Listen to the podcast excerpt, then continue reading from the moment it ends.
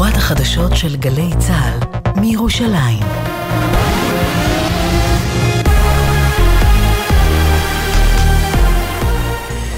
גלי צה"ל מירושלים השעה שלוש. שלום רב באולפן שירה אביבי עם מה שקורה עכשיו. בעקבות חסימת משאיות הסיוע במעבר כרם שלום, אלוף פיקוד הדרום הכריז על שטח צבאי סגור באזור המעבר. מדווח כתבנו הצבאי דורון קדוש. מפקד פיקוד הדרום, האלוף ירון פינקלמן, החליט בתום הערכת מצב כי כל האזור של מעבר כרם שלום, כולל הכבישים המובילים אליו, יוגדר שטח צבאי סגור שאסורה כניסת אזרחים אליו, וצה"ל יכול להציב מחסומים במרחב. ההחלטה התקבלה בעקבות ההפגנות בימים האחרונים, בהן אזרחים חסמו את כניסת משאיות הסיוע דרך המעבר. במסגרת הצו גם מספר יישובים באזור יוגדרו כאזור אסור לתנועה, ורק תושבי קבע ועובדים חיוניים יורשו להיכנס. להיכנס אליהם. לקראת הפסגה הביטחונית הערב בפריז, בישראל מנמיכים ציפיות בנוגע לאפשרות של עסקת חטופים נוספת בזמן הקרוב. על פי בכירים ישראלים, הפערים בין דרישות חמאס לבין גבולות הגזרה של ישראל לעסקה עדיין גדולים, ואין כרגע נוסחה לשחרור נוסף. על אף הדיווחים בארצות הברית במהלך הלילה. כתבנו הפוליטי יובל שגב מציין כי בירושלים מקווים שארצות הברית תגביר את הלחץ המדיני על קטאר, כדי שזו תצליח לדחוף את חמאס להסכים לעסקה נוספת, שתשחרר כמה עשרות חטופים. על פי הבכירים הישראלים, עסקה הכוללת את שחרור כלל החטופים לא נמצאת על הפרק. המתיחות בגבול הצפון, שלוש רקטות נפלו בשטחים פתוחים באזור היישוב מרגליות הסמוך לקריית שמונה. לא דווח על נפגעים או נזק. שר הפנים משה ארבל הורה להסדיר את מעמד משפחתו של רב סמל סדריק גרין שנפל בעזה. בביקור בבית משפחתו אמר השר, תודה שגידלתם גיבור כמו סדריק. הנחיתי את מנכ"ל רשות האוכלוסין לטפל מיד בהסדרת מעמדכם בישראל. כתבנו שי ישראל מציין שמשפחתו עברה לישראל מהפיליפינים והיום נמצאת בישראל ללא מעמד קבוע. בית משפט השלום בתל אביב האריך ב-11 ימים את מעצרו של החשוד ברצח במגדלי הצעירים בעיר. מדווח כתבנו בתל אביב, גל ג'רסי. השופטת קבעה כי מאז הדיון הקודם החשד הסביר נגד החשוד התחזק. עוד ציינה השופטת כי בזמן שקדם לרצח, החשוד, הנרצח ובנות זוגן השתמשו באלכוהול ובסמים. החשוד טען בחקירתו כי הוא סובל מפוסט-טראומה. בדיקת הפסיכיאטר המחוזי קבעה שלא ניתן לשלול זאת על הסף, אך הסבירות אינה גבוהה. החשוד נמצא כשיר לעמוד לדין. אמו של הנרצח, דניאל אמינוב, זיכרונו לברכה, התפרצה בצעקות לעבר השופטת והחשוד בתום הדיון. ארצות הברית ואירופה מתכננות גל עיצומים חדש על טהרן, כך מפרסם היום אתר איראן אינטרנשיונל. מדווח פרשננו לענייני צבא וביטחון, אמיר בר שלום. האם בקרוב נראה גל עיצומים חדש על איראן? כנראה שכן, כך טוען אתר איראן אינטרנשיונל. גורם מערבי ששוחח עם העיתון אמר, ארצות הברית ומדינות אירופה רואות את התוקפנות האיראנית במיצרי באבל מנדב, וגם את ההתקדמות שלה בגרעין ללא כל ריסון מערבי. לכן, אומר הגורם, ככל הנראה יוטלו עליה עיצומים כמו אלה שהוטלו עליה לפני ההגעה להסכם הגרעין ב-2015. טניס מאליפות אוסטרליה הפתוחה. יאניק סינר האיטלקי זכה בתואר לאחר ניצחון בחמש מערכות על מדוודב הרוסי המדורג שלישי בעולם. סינר שהדיח את האלוף המכהן ושיאן הזכיות נובק ג'וקוביץ' בחצי הגמר, כבר פיגר בשתי מערכות, אבל הצליח להפוך את התוצאה ולהבטיח את הזכייה בגביע. כתב הספורט יוני זילברמן מציין כי בשביל סינר בין ה-22 המדורג שישי בעולם, זו הזכייה הראשונה בתואר היוקרתי בקריירה. מזג האוויר הלילה, הגשמים יתחזקו בצפון הארץ ובמרכזה. מחר, קר מהרגיל לעונה. גשם לפרקים מלווה בסופות רמים יחידות, ירד בצפון הארץ ובמרכזה. בחרמון ירד שלג. קיים חשש קל משיטפונות במדבר יהודה וים המלח. לידיעת חיילי צה"ל ברצועת עזה מחברת מטאוטק נמסר כי הלילה ומחר גשם מלווה בסופות רמים ירד מדי פעם ויהיה קר מהרגיל. ולחיילינו בגבול הצפון, שם ירד גשם מלווה בסופות רעמים, ובערים ישררו ערפילים. אלה החדשות שערך היום רועי ולד, בצוות, איתן מוזס וג'וש נחום.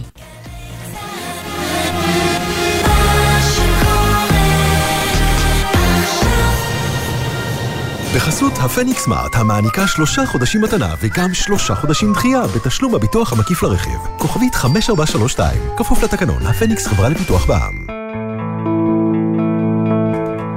ישראל במלחמה עכשיו בגלי צה"ל, אביב לביא ונעמי רביע, אם יהיה בסדר. עורכת אביטל סלמון.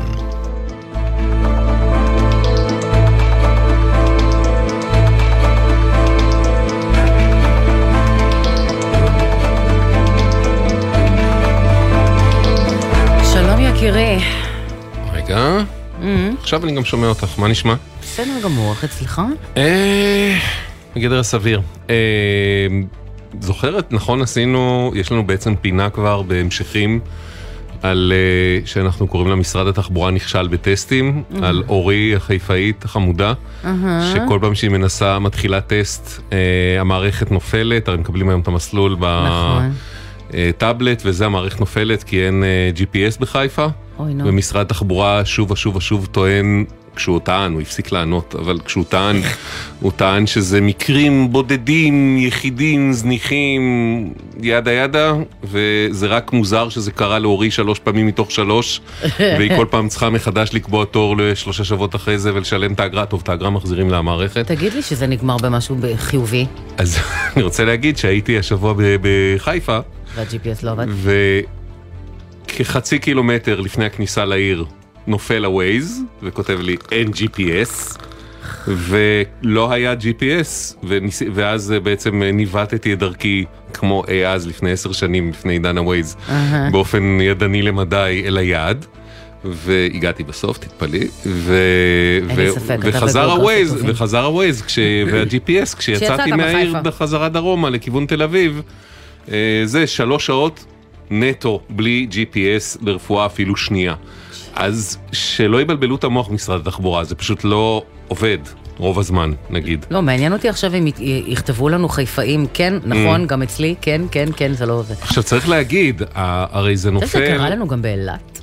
לא, לא תשמעי, זה קורה בחלקים, בכל מיני מקומות בארץ, זה בהתאם לצרכים של מערכת הביטחון, צה"ל מוריד, אה, ממסך, אה, כדי למנוע, כן. בעיקר, ככל שאנחנו מבינים, כדי למנוע מהאויב לעשות אילו דברים רעים.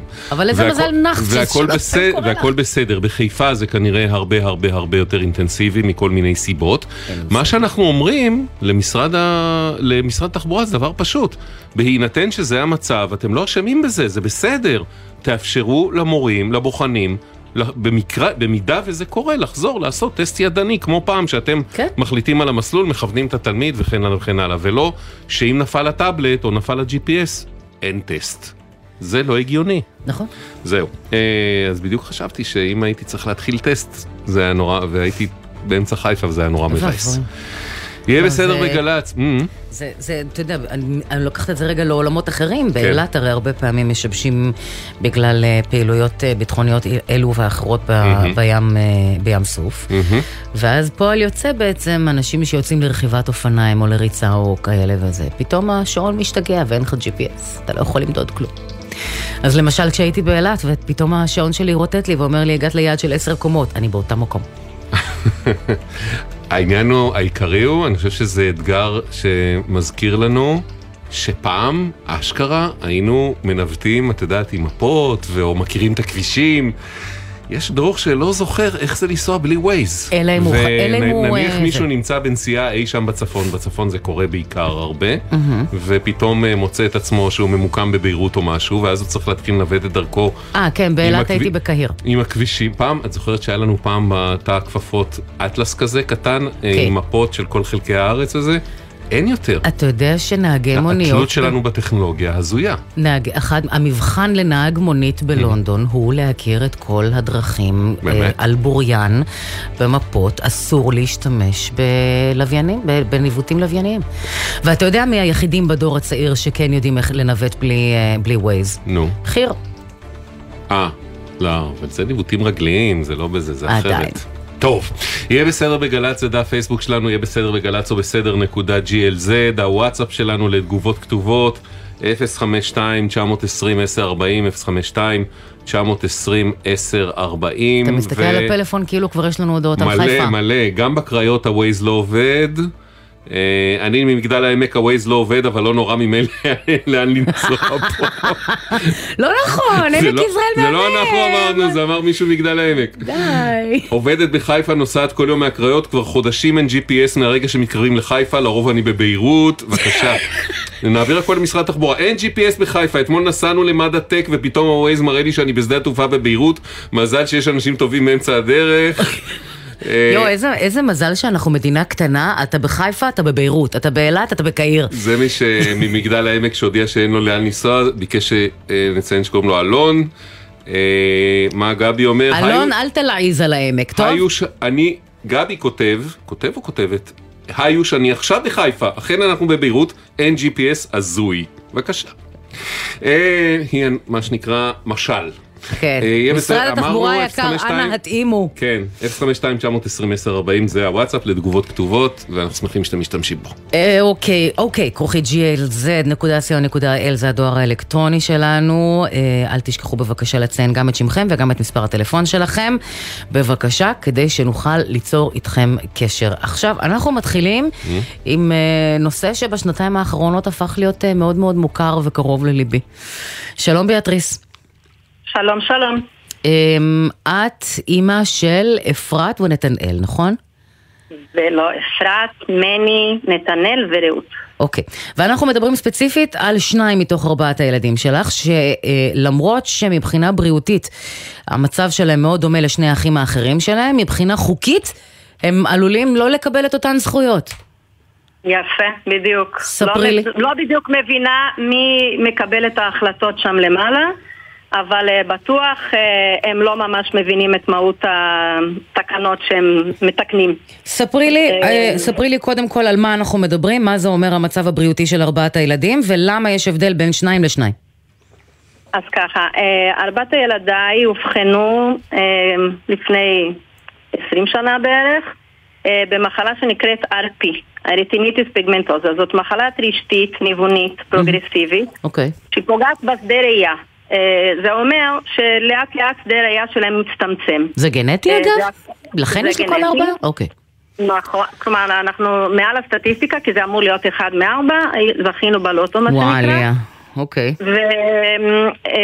וזהו, אז לאט לאט זה מצטמצם, זה יכול להוביל לעיוורון. אמ, זה כל אחד מתבטא בצורה אחרת, ולכן אה, למשל הקטנה במצב יותר קשה מהגדולה. אה, אז אי אפשר לדעת איך זה הולך ומתפתח. אוקיי. אה, כרגע באמת אה, שניים מהם, השני והרביעית, הם בעלי תעודת עיוור ליקוי ראייה. כי כדי, ו- כדי להיות מוכר כעיוור, או זה מצב או של עיוורון מוחלט, או נכון. שמצב שבו אה, שדה הראייה מצומצם של למתחת ל-20 אחוז, בעין נכון. הטובה יותר. כן. אוקיי, בדיוק. אז את אומרת שזה המצב של השני והרביעית. של השני והרביעית. אבל? שניהם, אה, אוקיי. אבל עכשיו, הגדולה והשלישי, הם אה, כרגע לא, לא עומדים בקריטריונים, עוד לא ניגשו לקבל. אי אפשר לדעת מתי זה יקרה, כי כמו שאמרנו זה מידרדר, זה מחלה ניוונית פרוגרסיבית. מהמם. אם ירצה השם זה לא יקרה, אבל אני לא יודעת, ואני ממש לא מצליחה להבין מה התקנה עכשיו שרוצים לתקן, זה שבעצם מי שיש לו ליקוי ראייה או עיוורון שנובע ממחלה גנטית, אה, הוא לא יהיה זכאי לתעודת עיוור. לא משנה אם התוצאה הסופית היא בסופו של דבר, שורה תחתונה, הבן אדם לא רואה. או הבן אדם על, עונה על ההגדרות אה, כלשונן בחוק של לקוי ראייה ו/או עיוור שזכאי לתעודת אה, עיוור. אם זה נגרם בגלל מחלה ניוונית, הוא לא יהיה זכאי לאותו דבר ש, ש, למה שהוא אמור להיות זכאי, למרות שההגדרה שלו עומדת ככה בחוק? כן, בדיוק. כלומר, מי שיש לו תאונת דרכים שלא נדע, יהיה עיוור, אז הוא מקבל. והילדים, כל האלו, שמעכשיו, כלומר זה לא יהיה עכשיו, זה מה שהם רוצים לתקן, מעכשיו, כל מי שיש לו מחלה ניוונית, והוא יגיע לאיזה 20 אחוז, כמו שאמרת, מעלות שדה ראייה, הוא לא יהיה זכאי יותר לקבל... אה, לא, אה, לא הבנתי תנאים. משהו. הרי מה כן, שמשנה זה אם הבן אדם, גם את לא. זה אם הבן אדם עיוור או לא, מה זה משנה הדרך? הסיבה, נכון. אומרת, זה לא, זה לא בגרות במתמטיקה או מבחן מתמטיקה, שאתה חייב העיקר להראות את הדרך, כן. פה מה שקובע זה התוצאה, אם אתה עיוור, את עיוורת. נכון. זה זה, נכון. מה זה משנה? נכון. הדרך, נכון. אם הגעת לזה. ממחלה, מתאונה או מלידה, מה זה חשוב? בדיוק. זה, זה, אז זה בדיוק מה שכל הקהילה של אנשים שחולי ערפי לא מצליחים להבין. ו, ואני יכולה לציין שבאמת הם אנשים, כולם, כולל הילדים שלי, הם אנשים שתורמים, עובדים, הם לא מבקשים אה, תרומות והם לא מבקשים, מבקשים רק הכרה במצב שלהם ולקבל את המינימום שתמיד קיבלו עכשיו מהמדינה. אגב, כאילו אנחנו בהשוואה לכל מדינות אה, מערב אירופה, מערב וזה, לא מקבלים את מה שמקבלים, אנחנו במצב לא טוב. עכשיו, נגיד, נגיד. וחס ושלום יגיע המצב שבו הבכורה וה, אה, והשלישי יגיעו לנקודה שבה שדה הראייה שלהם מצטמצם אה, למצב שבו הם יכול, אה, אה, יכולים להיות מו- אה, מוכרים כעיוורים או לקויי אה, ראייה מאוד מאוד חמורים. מה בעצם הם לא יקבלו, למה הם לא יהיו זכאים ששני האחים האחרים שלהם כן? אז הנה, הם לא מקבלים, הם לא יקבלו הדרכה שיקומית, שנגיד הקטנה עכשיו התחילה ללמוד, אה, ללכת עם מקל נחייה, היא לא. תקבל, ללמוד להתמצא, אה, תחשבו, עש- אה, 20% של מעלות זה אומר שהם רואים דרך צינור. נכון. ואז הם לא יכולים לראות הרבה דברים בבית, מישהו צריך לבוא להדריך אותם, איך הם צריכים לנהל את הבית בשביל שהם יצליחו להתנהל. הדרכה שיק- שיקומית זה בעצם בא מישהו ומלמד אותך איך לתפקד כעיוור? לספר? לך על ההדרכה. השיקומית שלי? או ליקוי ראייה במצב שבן אדם נמצא, אבל הנה, ללכת עם מקל נכון. נחייה, כי ברחוב, הבת שלי למשל יכולה לקרוא ספרים, אבל היא לא יכולה ללכת טוב ברחוב, כי היא נתקלת בכל מצב, היא יכולה ליפול בכל מקום. אוקיי. אז זה לא, אז לא. תהיה הדרכה שיקומית. מה עוד לא יהיה? זה קריטי, ש- אתה, אתה לא מבין עד כמה קריטית ההדרכה השיקומית זה הזאת. נראה לי ברור. אני, אה, למדתי ל- מחדש איך לשפצר את המטבח, את הבית, את הכל, איך לסמן את הכל. ככה שאני בהתחלה הייתי מעיפה כאילו כל כלי זכוכית שהיה, לא הייתי רואה אותו, שקוף זה, זה, זה האסון הכי גדול שיש לאנשים לקויי ראייה. אתה יודע כמה. זכוכיות נשברו לי בבית? על ימין ועל שמאל. אני- כאילו רואה טוב, אבל יש לי הרגשה שאולי גם לי הדרכה כזאת תעזור, אבל נשים את הצרות שלי בצד. תגידי, מה עוד לא יהיה חוץ מהדרכה? אה, תמיכה וליווי בכל ההשתלבות, כל נושא של השתלבות בשוק העבודה זה גם משהו שמגיע להם. נכון. אה, שירותי מרשל, שזה כל העזרה של עובדים סוציאלית, הרי זו מחלה ניוונית, שלפעמים מאוד קשה להתמודד איתם בקטע הרגשי. נכון. אז גם זה מגיע להם. תחבורה ציבורית חינם, הם הרי אה, לפני שהם עוד מאובחנים, הסימן הראשון זה בעיה בראיית לילה. נכון. אז על המקום, ברגע שהם מאובחנים, הם צריכים להפסיק לנהוג בלילה. גם אם הם עדיין נוהגים, כי- כי יש להם שדה ראייה מספיק, שזה 120 אני חושבת, אז הם יכולים אה, לנהוג, אבל הם לא יכולים לנהוג בלילה.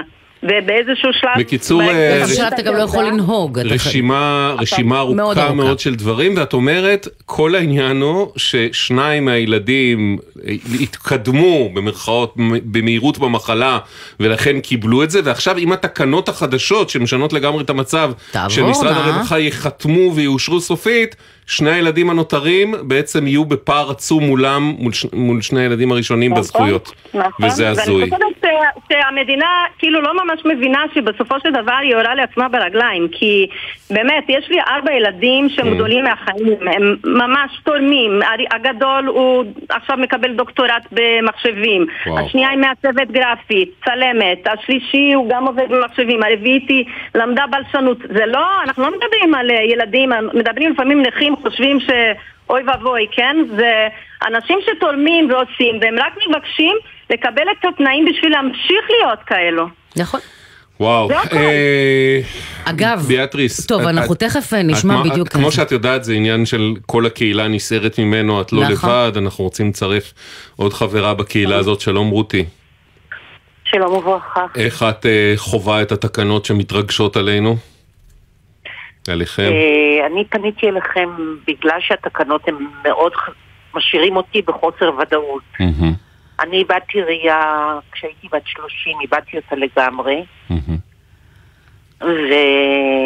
ומאותה מחלה שביאטריס דיברה עליה, ארפי.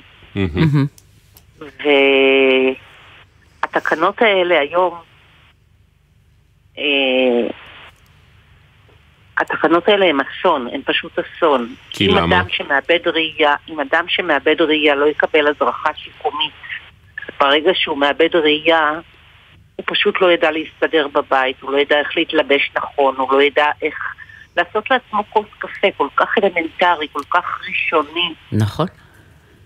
אה, הוא לא ידע איך ללכת ברחוב עם מקל, הוא לא ידע איך ללכת עם כלב נחייה, כי גם התקנות כוללות את זה שלא יהיה עזרה במימון כלבי נחייה. נכון. אה, התקנות האלה הם אסון. עכשיו את מדברת זאת אומרת על באי ודאות לגבי העתיד, נכון? כי דבר נוסף... לגבי העתיד, מה בדיוק. קורה הלאה? נכון. מה קורה איתנו כי- בגיל 67? זהו, אחת מהתקנות שהבנו ש, אה, שנידונות זה גם אה, להוציא מחוץ לקבוצה את כל מי שעבר את גיל 67. להחריג אותם ופשוט לזרוק אותם לזבל. כביכול, כביכול לא, לא, החריג... רגע, לא הבנתי, תסבירו. מה זאת אומרת, עד גיל 67 את עיוורת ומ-67 את אה, רואה 6-6? לא, אני אגיד לך מה, כן. שלושת רבעי מהעיוורים הם אנשים אה, בגיל הפרישה, כן. מתוך, ממחלות ניווניות בדרך כלל. והם מגיעים לגיל 67 והם מאבדים ראייה. אני עבדתי 20 שנה בקבוצות, הייתי מנחת קבוצות תמיכה 20 שנה, ורוב האנשים היו בגיל השלישי, מגיל 60 ומעלה. אוקיי. אבל מה המשמעות של. התקנות החדשות מבחינת אנשים מעל גיל 67? מה זה אומר? שפשוט ברגע שהם יאבדו ראייה, הם לא יקבלו את כל ההטבות שמגיעות עד עכשיו.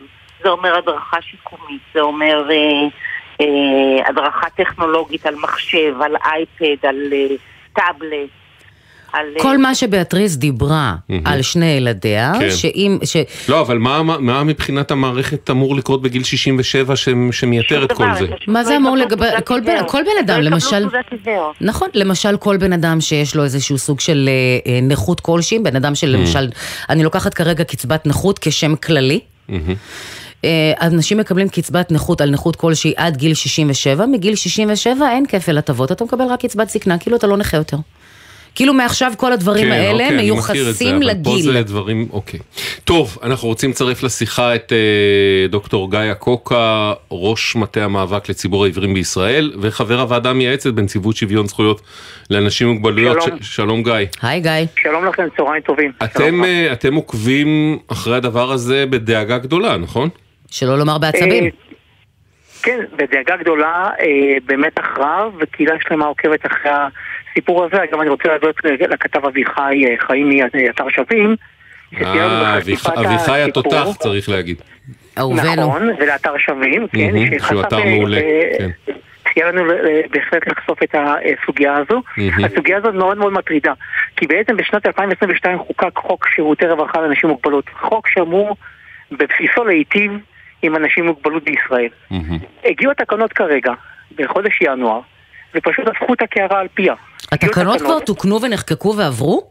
טרם, טרם, אוקיי. הם הוגשו לי הערות הציבור. הם, אה, הציבור העיר שלהם- שמה שהן עושות בעצם דה פקטו זה לצמצם את אוכלוסיית הזכאים? זה לא לצמצם, אני אגיד מילה אחרת.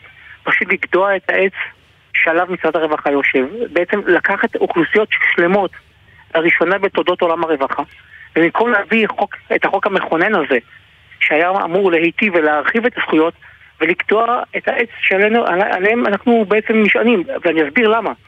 יש שם שתי אוכלוסיות שמעולם לא הודרו ממשרד הרווחה, מתחומי שירותי הרווחה. מהמם. שתי אוכלוסיות ענק בכל עולם המוגבלויות, כאשר בעולם האנשים עם עיוורון זה חלק מאוד, לא יחסי, זה חלק מוחלט.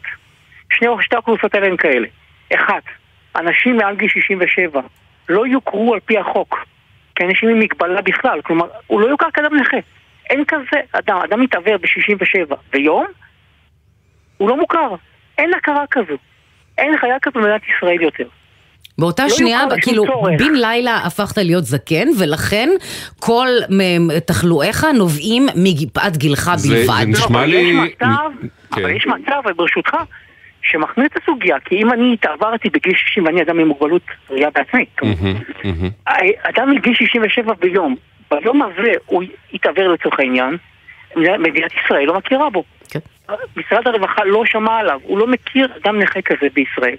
זה נשמע לי כל כל כך השירותים- מופרך מה שאתה אומר, שקשה קשה להאמין שזה אמיתי.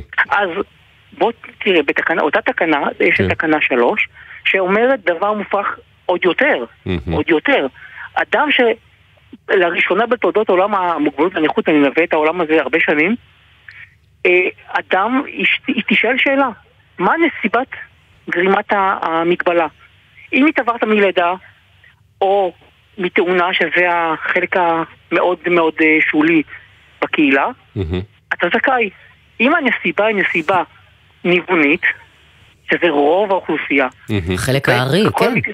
החלק כן, המשמעותי מאוד, סטטיסטית עיוורון הוא תוצאה של מחלה ולא של גנטיקה? חד משמעית. היא- הגנטיקה היא זו שמביאה את לא, המחלה. לא- לא מולד אני מתכוון. נכון. כן. לא, היא, היא תהליך מתהווה, היא יכולה להיות מולדת ברמה של 20 אחוזים, ברמה 20 של פוטנציאל, את. הבנתי, אבל העיוורון מגיע אחר כך, אוקיי. כן. יכול להגיע בגיל 30, אוקיי. בגיל 40 או בגיל 70. תגיד, גיא, אתה מבין ולכן, את הרציונל, הזאת לא את הרציונל. של מי שניסח את התקנות האלה במשרד הרווחה? מה, מה עומד מאחורי, הרי ב- לי לפחות כ...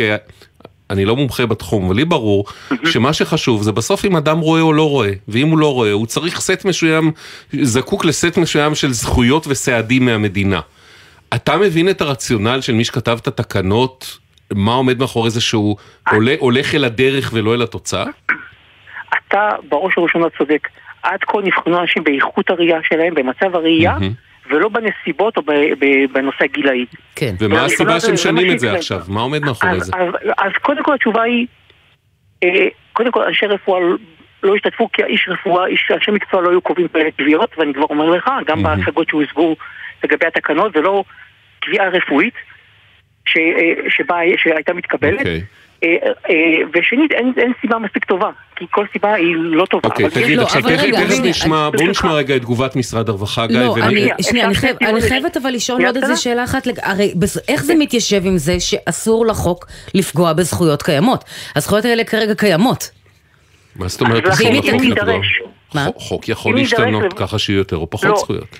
לא, תקנה לא יכולה לסתור חוק, בטח לא Mm, חוק אוקיי, מיטיב. אוקיי. בדיוק. לכן אנחנו נידרש לוועדת הרווחה, ואחרי זה נידרש כנראה להליכים אה, משפטיים, אם לא נקבל את ה- את המבוקש, בהחלט אה, נדון בזה. אגב, רק אבל- שתדע שלא רק, אה, אה, לא רק אוכלוסיית העברים הגישו המון עררים על זה, יש עוד המון המון אוכלוסיות אחרות שהגישו מה משרד הרווחה. אומר? כי אני רוצה אנחנו רגע לשאול את גיא, בקשר- גיא, שנייה, אני רוצה שנשמע בבקשה את תגובת משרד הרווחה ואשאל אותך עליה שאלה. תודה. נשאלת השאלה אבל איזה תגובה אנחנו רוצים לקרוא, את זאת שנמצאת אצלנו בוואטסאפ, בוואטסאפ אז ככה, בימים אלו מתקיימים דיוני עומק במשרד לקראת יישום החוק, וזאת במטרה לשפר ולעגן את השירותים הניתנים כיום.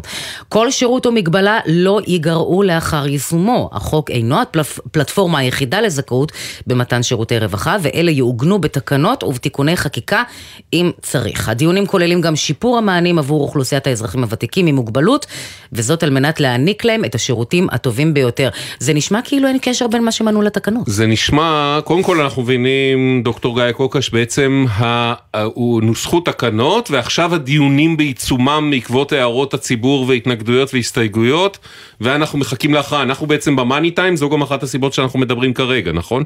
אנחנו כרגע בשלב המכריע שבו יגבשו את התקנות לעיון ועדת הרווחה, אוקיי. לדיוני ועדת הרווחה והצבעות שם. כלומר, אחרי ההצבעה, הדרך היחיד- היחידה היא רק אה, דרך משפטית. עכשיו, עכשיו אומר, תגיד, כ- כ- הם אומרים שנערך דיון מעמיק. בדיונים האלה משתתפים למשל, או יש דיאלוג עם המרכז לעיוור, עם מטה המאבק לציבור עיוורי, עם אנשים כמוך, עם אה, נציבות שוויון זכויות לאנשים עם מוגבלויות, שאתה חבר בוועדה מייעצת שלה? או שמשרד. הרווחה מדבר עם עצמו ב- ב- תראה, בפנימי? בהחלט מתקיים דיאלוג. מתקיים דיאלוג אוקיי. ארוך, עמוק ואינטנסיבי. יחד עם זאת, יחד עם זאת אומר, כי בחלק אה, ניכר מהדברים אין, אה, אה, הסתירה לא מתיישבת. כלומר, הם אה, בחלק גדול מהדברים אה, מתבצרים בעמדתם. אה, אם זה מסיבות אה, כלכליות, אם זה מסיבות אה, אה, שהם טוענים שאנשים אחרי גיל 67 הם בלאו הכי אנשים עם תחלואה יותר גבוהה, שזה טיעון מופרך מאין כמותו. כי היכן אדם בן 70 ירכוש שירותי הדרכה שיקומית בשוק הפרטי? אין, מאיפה ישיג מדריך שיקומי? אין. מאיפה? מאיפה ימצא? אם המדינה לא תקצה את המדריך השיקומי, אתה לא יכול, זה לא רופא פרטי שאתה הולך אליו. אין לך הדרכה שיקומית, אה, אוקיי. שלא שרוצה- במסגרת הזאת. איפה, בסיפור כן. הזה שר הרווחה יעקב מרגי? הוא בלופ? הוא בדיונים? הוא בחומר? איפה הוא בתמונה? שר הרווחה אה, בהחלט מודע, מודע, אני באופן אישי בקשר איתו. אבל מכיוון ששר הרווחה אה, הוא אה, לומד את תפקידו, ואתה יודע, עדיין אה, הוא מסתמך יותר על אנשי המקצוע, הוותיקים יותר, ואנשי המקצוע אה, מכתיבים עמדה שהיא קצת שונה. אוקיי. תשמעו, אנחנו, זה מן הסתם, אנחנו נמשיך לעקוב ולעסוק בזה לאור זה שבקרוב צפויה הכרעה והגשה לוועדת הרווחה כאמור. גם אנחנו פנינו אגב לשר מרגי והוא הפנה אותנו בשלב הזה חזרה אל המשרד עצמו. אנחנו מקווים שהוא ייכנס לעובי הקורה ויעשה מה שצריך לעשות. דוקטור גיא קוקה, רותי, ביאטריס, אה, נהיה בקשר ונמשיך לעקוב, סיפור חשוב מאוד. מאוד תודה ומעריך אתכם. תודה. גם אנחנו אתכם, תודה רבה. מטריד אותי שהיו mm. דיונים והקשיבו לכל מה שכל האנשים מומחים אה, אמרו, ובכל זאת... אה, מטריד אותי שאף אחד במשרד הרווחה לא נמצא איתנו על הקו כדי לתת, אני, מאוד מעניין אותי במקרים כאלה. אני יוצא מנקודת הנחה שבצד השני לא יושבים אנשים טיפשים נכון, או רעים. כמובן. אז מה הרציונל? לא הצלחתי להבין גם מהתגובה של משרד הרווחה, גם מדברים שניסינו לברר כמיטב יכולתנו, מה הרציונל וההיגיון שעומד מאחורי התקנות הברוטליות האלה, שהן אסירות מאוד את קהילת העברים וכבדי הראייה. שלא לדבר על זה שהן סותרות לחלוטין כן. את, את התגובה הכתובה שקיבלנו. אבל אה, נראה, אולי בהמשך אה, נהיה יותר חכמים. אהלן יצחק, עניין אחר. יצחק? הלו, כן. שלום. אנחנו בסדר. קרה דבר מוזר אה, עם הבקשה שלך לקבל, לקבל רישיון לנשק. אתה תושב, כן. אתה תושב בית נכון. שמש, והודיעו שתושבים באזורים מסוימים בבית שמש יוכלו לקבל רישיון, נכון? אז הגשת, כן, בבקשה. ואז אה, אני, ואז אני אה, קיבלתי מכתב דחייה. למה? אמ, כי כתוב שם כי אני גר במקום לא זכאי, אבל אני ידעתי שהרחוב שלי זכאי. כלומר, אתה יודע שהופיע, יש רשימה של רחובות שבהם זכאים. אתה גר נכון. ברחוב שזכאי, צריך להגיד שהשם נכון. שלו השתנה בזמן האחרון, נכון? השם שלו, כן. לפני כמעט שנתיים העירייה שינו את השם, אוקיי. ומשום אה, איזה סיבה שהיא, זה לא השתנה בכל המערכות. Mm, אז יכול להיות אה, שקיבלת את התשובה השלילית בגלל שבחלק מהמערכות השם של הרחוב שלך עוד היה ישן. ולא השם המעודכן, ואז המערכת התבלבלה. יכול להיות, נכון? זה לא בטוח. כן. בכל, כן. בכל מקרה, לפי האזור ולפי המפה ולפי הרשימה, אתה אמור להיות בפנים, ומשום מה קיבלת תשובה שלילית. נכון, נכון. אוקיי. טוב, אה, אנחנו... ואז אנחנו התערבנו פנינו ואמרנו... למשרד לביטחון אה, ביטחון לאומי.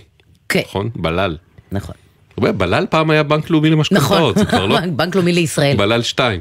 אה, אוקיי, לישראל. לישראל. כן. אה, ומה המצב עכשיו, יצחק, אתה יודע להגיד לנו אם השתנה משהו? אני לא, אני לא ידעתי אמ, בדיוק אם השתנה, אבל uh, uh, ממה שאני מבין, ממה שאתם אומרים, כן. המצב השתנה. אוקיי. הכתובת התעדכנה, המצב התעדכן, ותעדכן אותנו מתי שאתה כן. מקבל את האישור. אה, בדקו את זה גם בעירייה וגם במשרד לביטחון לאומי, אמרו לנו שהשינוי התעדכן במערכות, כל, בעצם גם הזכאות של אזורים מסוימים בבית שמש כנראה לא לגמרי הייתה סגורה במערכות, עכשיו הכל מעודכן ואתה בקרוב אמור לקבל תשובה חיובית ולהתחיל לקדם את התהליך. בסדר, יצחק? ואתה כמובן... אה, ואתה okay. אוקיי. כמובן תעדכן אותנו, נהיה בקשר, תעדכן את שירה שלנו שהכל בסדר. מעולה, תודה. בטח. ושלא תצטרך להשתמש, יצחק. אמן, אמן, שיהיה נצור תמיד. אמן, אני חושבת שאנחנו המדינה היחידה בעולם שיש לה כל כך הרבה משרדים לביטחון, משרד לביטחון פנים, משרד לביטחון לאומי, משרד לביטחון באופן כללי. ואת מרגישה שזה משפר את מצב הביטחון? כמובן שלא. דקה ו-12 שניות וחוזרים. קצר. אתם מאזינים לגלי צה"ל. הגרלת דירה בהנחה חדשה על אלפי דירות בכל רחבי הארץ. כי הבית שלנו הוא פה. גם פה. פה. וגם פה. ובכל מקום בארצנו מהצפון ועד הדרום. במיוחד היום. ממשיכים לבנות דירות ומניעים את ישראל קדימה. חפשו בגוגל דירה בהנחה, הרשמו להגרלה, ויחד ננצח, ונמשיך לבנות את הבית. משרד הבינוי והשיכון ורשות מקרקעי ישראל. כפוף לתקנון. משרד התקשורת, רשות החירום הלאומית רח"ל וגלי צה"ל מאפשרים קליטת רדיו בחירום במקלטים ברחבי הארץ ולכוחותינו בחבל עזה. שידורי ניסיון נקלטים באמצעות משדרי ה-AM בחיפה והצפון בתדר 1287 קילו הרץ ובין חיפה לבאר שבע בתדר 945 קילו הרץ. גלי צה"ל, פה איתכם, בכל מקום, כל הזמן. עכשיו בגלי צה"ל, אביב לביא ונעמי רביע, אם יהיה בסדר. הבית של החיילים, גלי צה"ל. כן.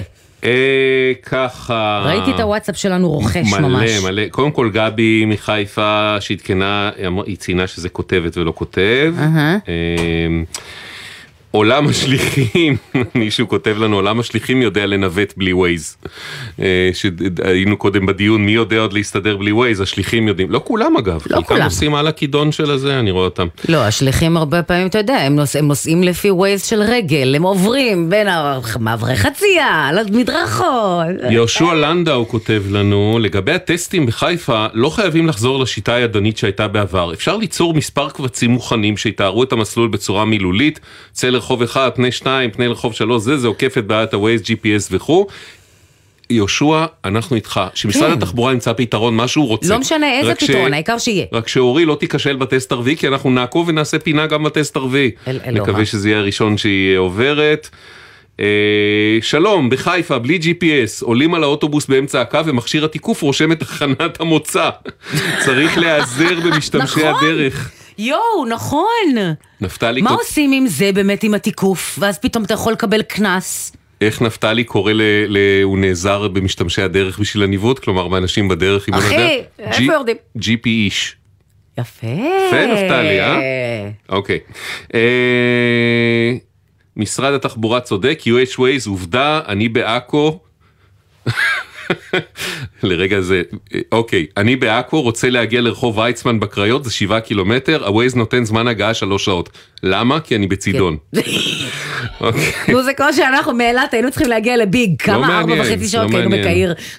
אה, אבישי שואל, שאלה שאנחנו צריכים לבדוק, אה, רציתי לשאול אם יש תקנות שנכתבות כפועל יוצא מחוק זכויות לאנשים עם מוגבלות, שיפגעו באוכלוסיות אחרות חוץ מהעיוורים. אה, כמובן, הקואליציה להורים עם ילדים מיוחדים. קואליציית הורים לילדים אה, עם צרכים מיוחדים, כן. גם הגישה קובלנות על העניין הזה, זאת אומרת, יש המון המון דברים שמכעיסים אוקיי. עוד- הרבה קבוצות, לא אבישי רק את קבוצת חפש העברים. בגוגל קואליציה, אה, קואליציית הורים לילדים לילדים צרכים. הורים עם צרכים מיוחדים, כן. עורכת הדין רויטל כהן. היא רותחת, אתה לא אה, מבין כמה. סביר שתמצא חומרים על זה, כן. אם, אם לא, אז פנה אלינו שוב וננסה לסייע. יהיה בסדר בגל"צ, זה הפייסבוק שלנו, יהיה בסדר בגל"צ או בסדר נקודה glz, הוואטסאפ לתגובות כתובות, 052-920-1040, 052-920-1040. הדואר האלקטרוני, אוקיי, כרוכית glz.co.il, אל תשכחו לציין את שמכם ואת מספר הטלפון שלכם, בבקשה. ועכשיו... פינת המעקב. לפני שבועיים דיברנו עם עדנה, אה, אימא של אה, תלמיד כיתה ח' בבית הספר העל-יסודי עמק החולה בכפר בלום. היא סיפרה לנו שמאז פרוץ המלחמה, התלמידים שלומדים בבית הספר, אך גרים ביישובים שלא פונו, עברו ללמוד במבנה אחר, רק 12 שעות בשבוע, משעות הצהריים, ולא מנהלים שגרת לימודים תקינה. אה, הילדים הולכים לישון בשתיים, שלוש, אנחנו, אני יודעת מהורים אחרים שאנחנו לא יודעים בעצם מתי הם הולכים לישון. אה, יש איזה שהם אה, דיבורים שהבית ספר יחזור עוד. שבועיים, אני לא כל כך מבינה איך מדובר על זה, כי הגזרה עושה רושם מתחממת. בשידור משרד החינוך מסר לנו שב-28 בינואר, היום, אם המצב הביטחוני ימשיך לאפשר זאת, התלמידים הלא מפונים ישובו ללמוד בבית הספר בכפר בלום. וכמובן שכמו שאתם מכירים אותנו, ברגע שנותנים לנו תאריך, הוא מיד נכנס ליומן ואנחנו בודקים מה קורה בו. שלום עדנה. שלום, שלום. נו, מה? 28 בינואר זה היום, יש בית ספר בכפר בלום, נפתח? ברור שלא.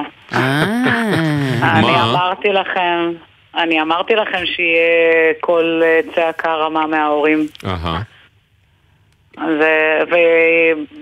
ויומיים אחרי שהודיעו, ש- פורמלית, שהודיעו להורים שחוזרים, אז אה, אה, ירדו מההחלטה כי יצאו כבר איזה, לא יודעת כמה עצומות ומכל מיני כיוונים של ההורים שאין מצב שאנחנו שולחים את הילדים לכפר כי בלום. בעצם אתם אומרים זה. אזור מלחמה לכל דבר ועניין, זה לא מתאים כרגע. ברור, ויומיים אחרי שנפלה ההחלטה מהמם. שלא חוזרים לכפר בלום, או שלושה ימים אחרי נפל שם אה, אה, באמת אה, כטב"ם, או משהו בסגנון. כן, אז, אה, זה כן. רק...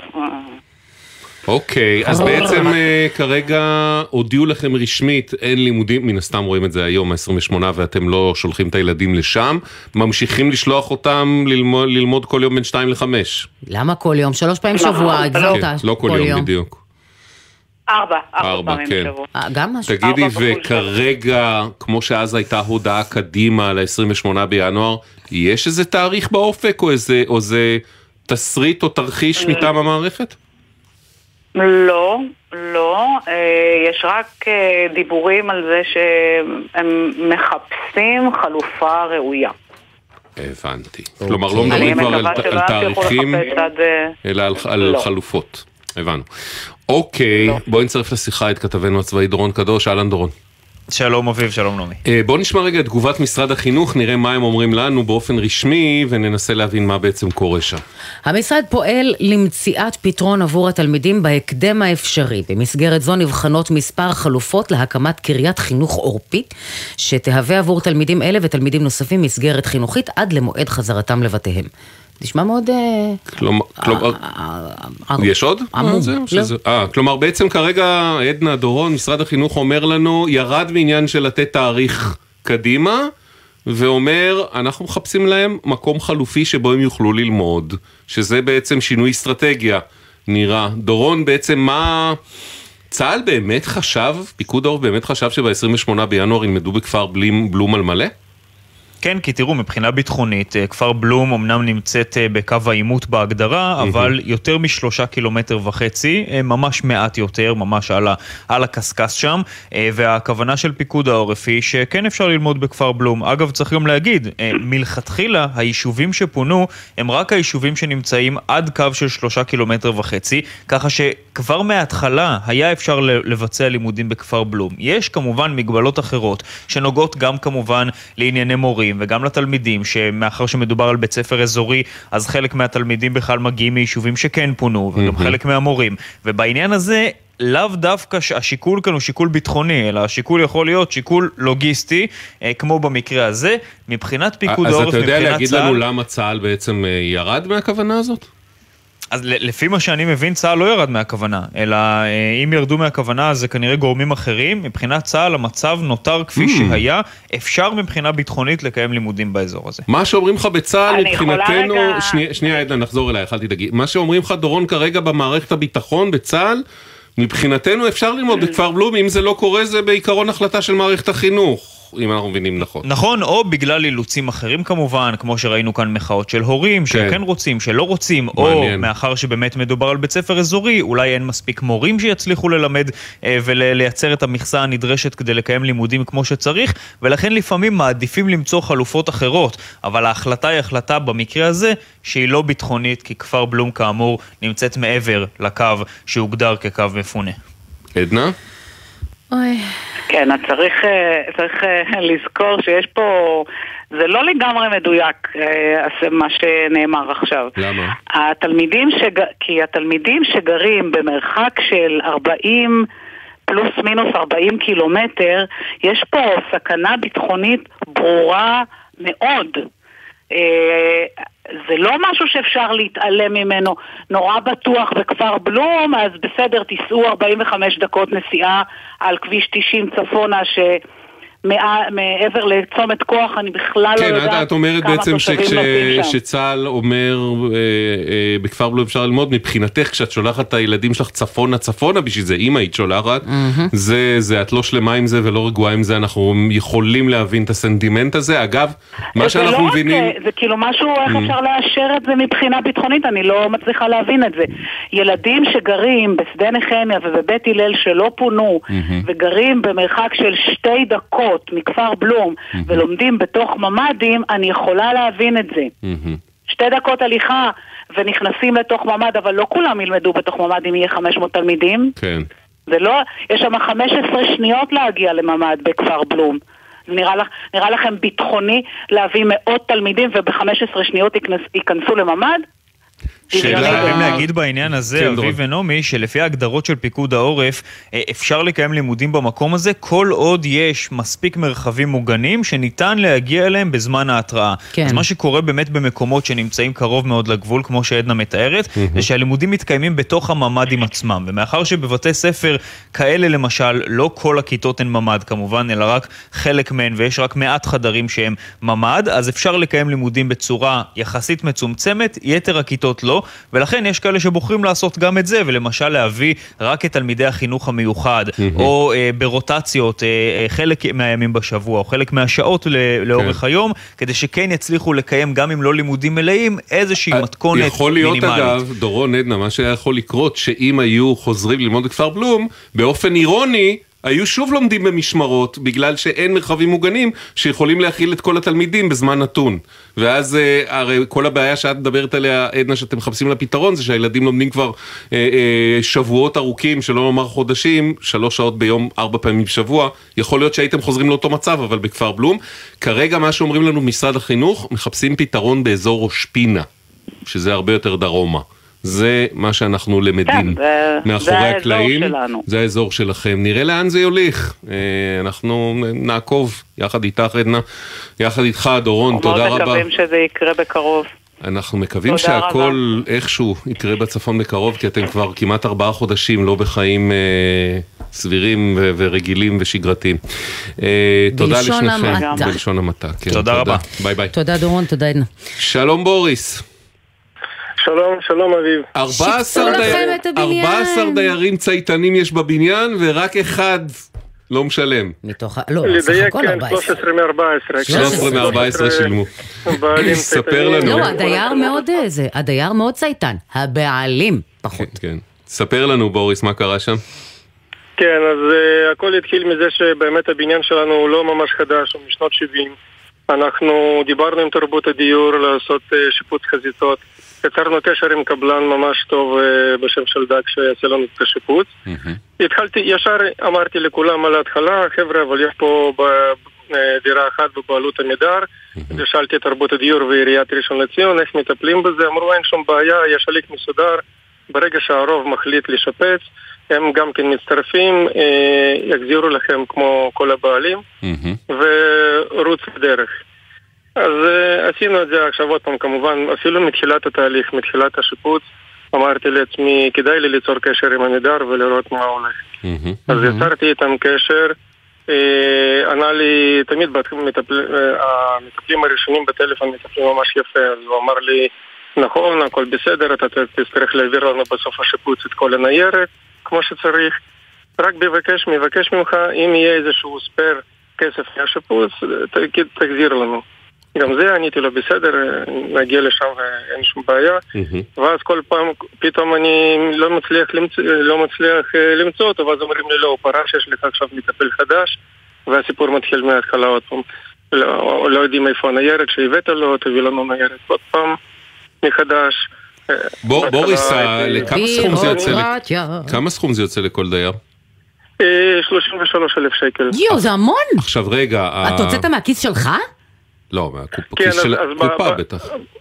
התרבות הדיור אה, עוזרים לבעלים בצורה כזאת שאם יש בעלים שממש נותנים ישר 33 אלף אז הם אפילו מקבלים איזושהי הנחה קטנה או שפשוט אה, נותנים להם הלוואה עם אפס ריבית להמון זמן זה משהו יוצא כמו 300 שקל כל חודש. אז רגע, אז הד- כל הדיירים שילמו בעצם אה, זה, ועמידר הודיעו לך שישלמו אחרי גמר השיפוץ, אחרי הגמר השיפוץ, כן. וגם את זה זה לא קרה. וגם זה נכון, עכשיו אה, התחלתי לדבר איתם ב-21, השיפוץ התחיל בשנת 21, בשנת אוגוסט 22 כבר ממש סיימנו שיפוץ לגמרי לחלוטין, זאת אומרת גם ניירת, הכל. סיימנו- לפני יותר משנתיים נגמר השיפוץ. לא, שנה כן. וחצי לא, נגמר. שנתיים, התחיל לפני שנתיים, כן. נגמר לפני שנה וחצי. אוגוסט 22, כן. אוגוסט 22, כן, שנה וחצי. כן, ואז הגשנו, עוד פעם, הגשתי הכל, הם רצו גם דברים כמו, לא כל כך הבנתי, אבל גם חשבוניות וקבלות מקבלן על סכום שהם עוד לא שילמו. אבל הם כבר רצו את זה ממנו. אה, הבאנו לו, הבאנו לעמידר את כל הדברים האלה, ואז עוד פעם המתנתי, המתנתי בסבלנות, אחר כך אמרו לי כבר זה אצל הכספים. זה במחלקת כספים, אז המתנתי בסבלנות, חיכיתי מתי מתי זה יקרה. פתאום אה, לפני כמה חודשים אה, אמרו לי, לא, הם החזירו את כל הניירת, היא נראית כהה מדי. אז אמרתי, רגע, חיכיתי עם חצי שנה. לא- לא באמת, זה- מה שאמרו לך אחרי חודשים שאתה רודף אחריהם, שהניירת כהה מדי? כן, כן, שסרוקה לא טוב. אוקיי. ואז באתי פיזית למשרדים שלהם, ואני באמת רואה שהם סרקו את זה כהה. עכשיו, הם סרקו את זה, אני הבאתי להם את המקורות לסרוק מזה. אה, אז יופי, בסדר, הבאתי להם עוד פעם את הניירת. אה, גם סובבתי להם את זה מאנכי לאופקי, מאופקי לאנכי, כי הם אמרו שזה גם יכול להיות יוסף קשיים. אה, ובתחילת דצמבר, המטפלת שם בעמידר אמרה, זהו, העברנו את זה למחלקת כספים, אוקיי. ומעכשיו אני כבר לא יכולה להגיד לך מה יהיה, זה אצל מחלקת כספים. ואז כבר אמרתי, טוב, זה, יש לי אולי קבלן נחמד שלא תבע אותי כבר מזמן, היה אמור לתבוע. אבל אמרתי, פה לא בסדר, ניגש כבר אליכם, כי זה, זה גם... זה, זה פשוט לא, כל כך לא סביר ש-13 דיירים שהם אנשים פרטיים, וזה לא קל להיות בנזילות, 33 אלף שקל, נכון. חלק צריכים לפרוס את זה באמת, וזה וזה, הם שילמו, מהמם. וחברה ציבורית, ממשלתית. גדולה, ש- שמה לעשות, גם יש לה משקיעה עשרות מיליונים בשיפוצים של בתים בעצמה, בשיפוצים של דירות עמידר וכן הלאה, היא לא הצליחה שנתיים לשלם לך, ואני אגיד עוד משהו, שבזמנו היו לנו פניות כאלה, ואז עמידר אמרו שהם בכלל ישנו את הנוהל, וישלמו עוד לפני השיפוץ, כמו כולם. בהתאם להתחייבות של הקבלן נכון, ושל ועד נכון. הבית ותוכניות, ופה אמרו לו, זה כבר נראה לי לא סביר, נשלם רק אחרי, אבל הלו, למה שנה וחצי כן. אחרי? טוב, פנינו לעמידר כמובן, צריך להגיד, זה לא בסדר, זה לא, זה לא מתקן את, ה, את התקלה שהייתה, אבל, אבל ברגע. שפנינו הגיבו מאוד מהר, נכון. ובאמת אה, תפעלו את זה. הם אומרים אנו מתנצלים על העיכוב בטיפול במקרה ונפעל כדי ללמוד מכך להמשך. לגופו של עניין, החברה תעביר את התשלום הנדרש לוועד הבית במועד העברת התשלומים הקרוב ביותר, שיתבצע במהלך השבוע. אז ממש השבוע אמור לעבור הכסף, בוריס, נכון? אתה יודע אה, מזה? תודה. לא, אה, שירה מהאולפן שלכם דיברה איתי ואמרה כן. שזה יתבצע. אני כמובן אה, אה, הייתי בשוק אה, מבחינה חיובית, אמרתי וואו, כן. סוף סוף אה, קרה דבר, אבל אני כן, אני בודק את החשבון, אני אראה. אז הם הבטיחו לנו שזה, יש להם פעימות של העברות תשלום ביום האחרון של החודש, 31 בינואר, זה יום אה, רביעי הקרוב, עוד שלושה ימים, תבדוק ותעדכן אותנו שהכל בסדר. בסדר, בוריס? כן. כן, ותודה רבה, אתם צוות אלופים, אני באמת מסיר כובע, כי זה כבר אחרי שני מכתבים של עורכי דין, גם אחד מטעם תרבות דיור, גם אחד רגיל. וואלה. מסכן. לא, לא כיף, מצאת את עצמך באמצע בין הקבלן לבין הזה. טוב, בוריס, תודה רבה, וכאמור, אה. עדכן אותנו בהמשך השבוע. תודה, ביי ביי. אהלן מייקל, אהלן, מה קורה? אנחנו בסדר, לאן הייתה לא- אמורה להיות הטיסה? כמו לא הרבה אנשים, כמו לא מעט אנשים? גם לך בוטלה טיסה. כן. נכון, נכון. הטיסה הייתה אמורה להיות מברצלונה לארץ, אה. חזור בעצם. מתי? אז אז איך חוזרים אם היא בוטלה? אז זהו, אין... בטיסות אה, חילוץ. אין איך לחזור. האמת שהטיסת הלוך גם לא הייתה עם אותה חברת תעופה, אז ככה שגם ביטלו את ההלוך, אבל החזור אה, אה, אוקיי. זה כבר סיפור אחר, כן. מי ביטל? איזה חברה? על מי מדובר? אה, חברת בלובירד. אני לא מכירה. חברת בלובירד בעצם אה, לאחרונה רכשו אותם אה, קווי חופשה. מהמם. בעצם כשרכשנו את הכרטיסים דרך האתר, אז החיוב היה דרך אה, קווי חופשה. אוקיי. וכמו כל הטיסות לאחרונה, הטיסה בוטלה. ו... אנחנו מדברים על טיסה באוקטובר? הטיסה הייתה בנובמבר. נובמבר. סוף נובמבר. אוקיי. אוקיי. הם הודיעו לנו ש- שבועיים מראש שהטיסה מבוטלת. אה, מה- אה, אה, הודיעו בעצם בכל דרך אפשרית, גם זה במייל, אס.אם.אס, וואטסאפ. נחמד. זה- זה- זה- זה בוא נגיד היה בסדר מבחינתם. היו יעילים. כן, אבל אה, כשבעצם אה, רציתי לפנות אליהם לדעת מתי אני אמור לקבל את הכסף, כמובן שאין מענה. אה, יש להם את הוואטסאפ שהם שלחו ממנו, אז ניסיתי גם שם ליצור קשר ולשלוח הודעות. רגע, מי, לבדוק מול מי? מול בלוברד? מול קווי חופשה. לא, קווי חופשה, כי הם רכשו אותם, ומבחינתי החיוב היה דרך קווי חופשה. זהו, לא תמיד- מבינים. תמיד השאלת הבסיס היא, מאיפה יורד לך האשראי? האשראי ירד מקווי חופשה, אז הם גם אמורים להחזיר את הכסף, והם גם נכון. שלחו את ההודעה על הביטול. אה, אוקיי. אז בכל הערוצים שהם פנו אליך, פנית אליהם בחזרה והם אמרו לך... והם לא ענו לך? הם פשוט לא ענו, ואפילו כשהיום אפשר לראות גם בוואטסאפ שהם קוראים את ההודעה, יש וי כחול. נכון. שום דבר. אה, זה נקרא. ועדיין לא קיבלת תגובה. נקרא, לא קיבלתי תגובה, מיליון מיילים ששלחתי. מאיזה, מ- שהם- לאורך כמה זמן, כאילו, לאורך איזו תקופה שלחת להם הודעות? מ- מתחילת במשך- נובמבר כזה? מ- מ- מ- מאז שהם הודיעו, שלחתי את ההודעה הראשונה, מתי אני אמור לקבל את הכסף. ועד עכשיו לא קיבלתי אה, שום תשובה, כמובן, עד שאתם... שזה. חודשיים. שזה חודשיים, בדיוק. או-אה. טוב, אז אנחנו כן פנינו אליהם גם. וכמובן שמצטטים מצטטים את החוק, וזה לא עוזר. מה החוק? עד, לדעתי עד 30 יום, יום אה, אה, צריך החזר. עד 21 ימי עסקים. 21 ימי עסקים. ובכן, אני אומר, זה אבל- אבל- עבר. לא, אבל זה אפילו לא הנקודה, הנקודה היא שהוא לא מקבל שום מענה. היו אומרים לו, תקשיב, אנחנו בעומס מטורף, ב-1 בפברואר הכסף בחשבון שלך, אל תדאג. אז הוא היה... הפלא- ופלא, מתי אה, מתי כן קיבלנו תשובה מהם? נו. אחרי שאתם פניתם. אה, אוקיי, זה תזמון זה לא- טוב. כן, כן, כן. לא, אבל מה תשמע, הם אומרים לנו קווי חופשה? מצד אחד הם אומרים, הם, הם באמת, הם פנו בכל דרך אפשרית, הם נתנו את כל, זאת אומרת, הם, הם פרסמו בכל מקום שהטיסה מבוטלת. כן. אבל רבאק, פניתם בדרך הזאת, לפחות גם תקבלו תשובה בדרך הזאת. אז מה הם אומרים? הם אומרים הלקוח ביצע הזמנה באתר חברת התעופה היוונית בלובירד איירווייז וזוכה במלוא הסכום בגין הטיסה שלא התקיימה. זו קטע? אז היום, אה, אז- אז היום ראיתי בחיוב של הכרטיס, באמת אה, הם זיכו, כמובן אה, אחרי שהוציאו לנו את כל המיץ. יפה, קודם כל אנחנו שמחים. תגיד, אגב, הטיסה הרי הלוך גם בוטלה, זה לא שהיית בברצלונה כבר. ההלוך בוטלה והחזירו, אה, אני לא רוצה אולי לנקוב בשמות, החזירו את הכסף כמו שעון. נו, ממש דווקא... אה, כמה ימים לאחר מכן. אנא נקוב, אם איש מגיע לו פרגון, שיקבל פרגון, למה לא? מי זה היה? אר אירופה. אר אירופה? כן. יש דבר כזה? מה אני לא- לא שולט. אר אירופה זה חברת תעופה? אני לא יודעת, יש כל כך הרבה חברות קטנטנות. וואו, ממש. באמת, כאילו, הלכנו לאיבוד ב- ביער הזה. אני הפסקתי יופי, באיזי ג'ט, מעבר אה, לזה אני כבר אז לא יודעת. אירופה אה, סחטיין, וקווי חופשה פחות סחטיין, והעיקר שהחזירו בסוף, ואנחנו שמחים. בדיוק. ואם וכאשר תגיע לברצלונה, תעשה חיים, כי זאת אחלה עיר. מניסיון. אתה יודע שעוד לא הייתי? האמת שהייתי מזמן, מזמן, מזמן, אבל היא, הייתה מדהימה, וכפי שאני שומע, נשארה מדהימה. המקומות בהם ביליתי ב- ב- בחיי. לונדון, באיזה- לונדון, לונדון, ניו לונדון יורק, ולונדון. לונדון, ניו יורק, לונדון, פה ושם קצת פריז, אבל באמת, אני מעט מאוד אני לא טיילתי בטוח שזה מסוג בעולם. הדברים שאפשר להתבכיין עליהם. אני לא מתבכיינת, אני סתם אומרת, כאילו מוזר מאוד שלא... זהו, סיימנו בעצם את uh, תוכניתנו להיום. תודה רבה לעורכת אביטל סלמון, ברוכה השבה מחופשתך, התגעגענו לתחקירניות תמר אדן, גליה זרה ושירה אפרת, הטכנאי ליאם גל, עורך הדיגיטל מתן קסלמן, הדואר האלקטרוני אוקיי, כרוכית glz.co.il. אל תשכחו בבקשה לציין את שמכם ואת מספר הטלפון שלכם. וואי, מה זה בא לי לתת עכשיו את הטלפון של דש עם שקולה שלי, אבל זה לא קשור.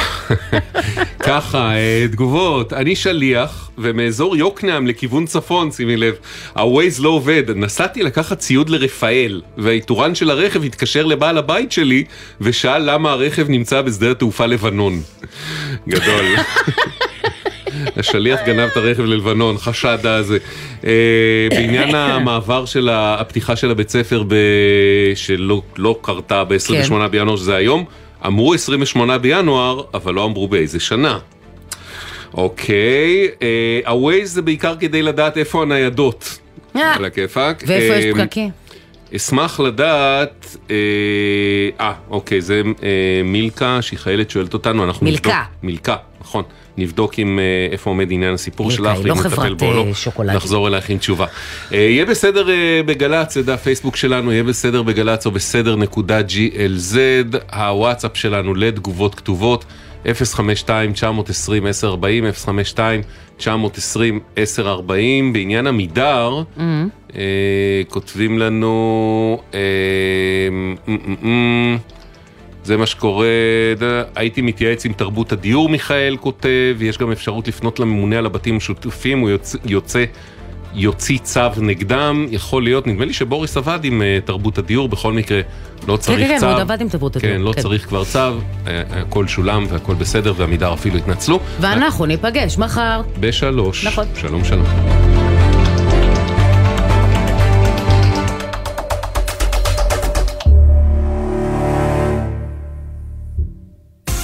בחסות קרנות השוטרים, המציעה לעמיתיה את רכבי סוזוקי דגמי 2024 במגוון הנחות. לפרטים כוכבי 9955 או אתר קרנות השוטרים. בחסות הפניקס סמארט, המעניקה שלושה חודשים מתנה וגם שלושה חודשים דחייה בתשלום הביטוח המקיף לרכב. כוכבית 5432, כפוף לתקנון, הפניקס חברה לפיתוח בע"מ. אתם מאזינים לגלי צה"ל.